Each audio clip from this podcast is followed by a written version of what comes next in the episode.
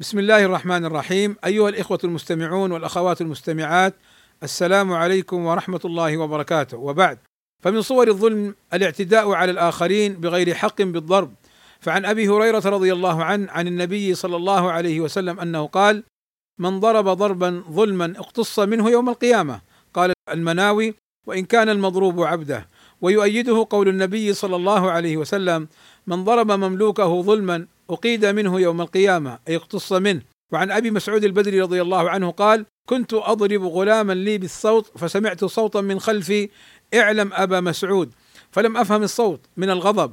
قال فلما دنا مني إذا هو رسول الله صلى الله عليه وسلم فإذا هو يقول اعلم أبا مسعود اعلم أبا مسعود. قال فألقيت الصوت من يدي فقال اعلم أبا مسعود. فقال صلى الله عليه وسلم اعلم أبا مسعود أن الله أقدر عليك منك على هذا الغلام. قال فسقط من يدي الصوت من هيبته فقلت لا أضرب مملوكا بعده أبدا. وعن زاذان أن ابن عمر رضي الله عنهما دعا بغلام له فرأى بظهره أثرا فقال له أوجعتك؟ قال لا.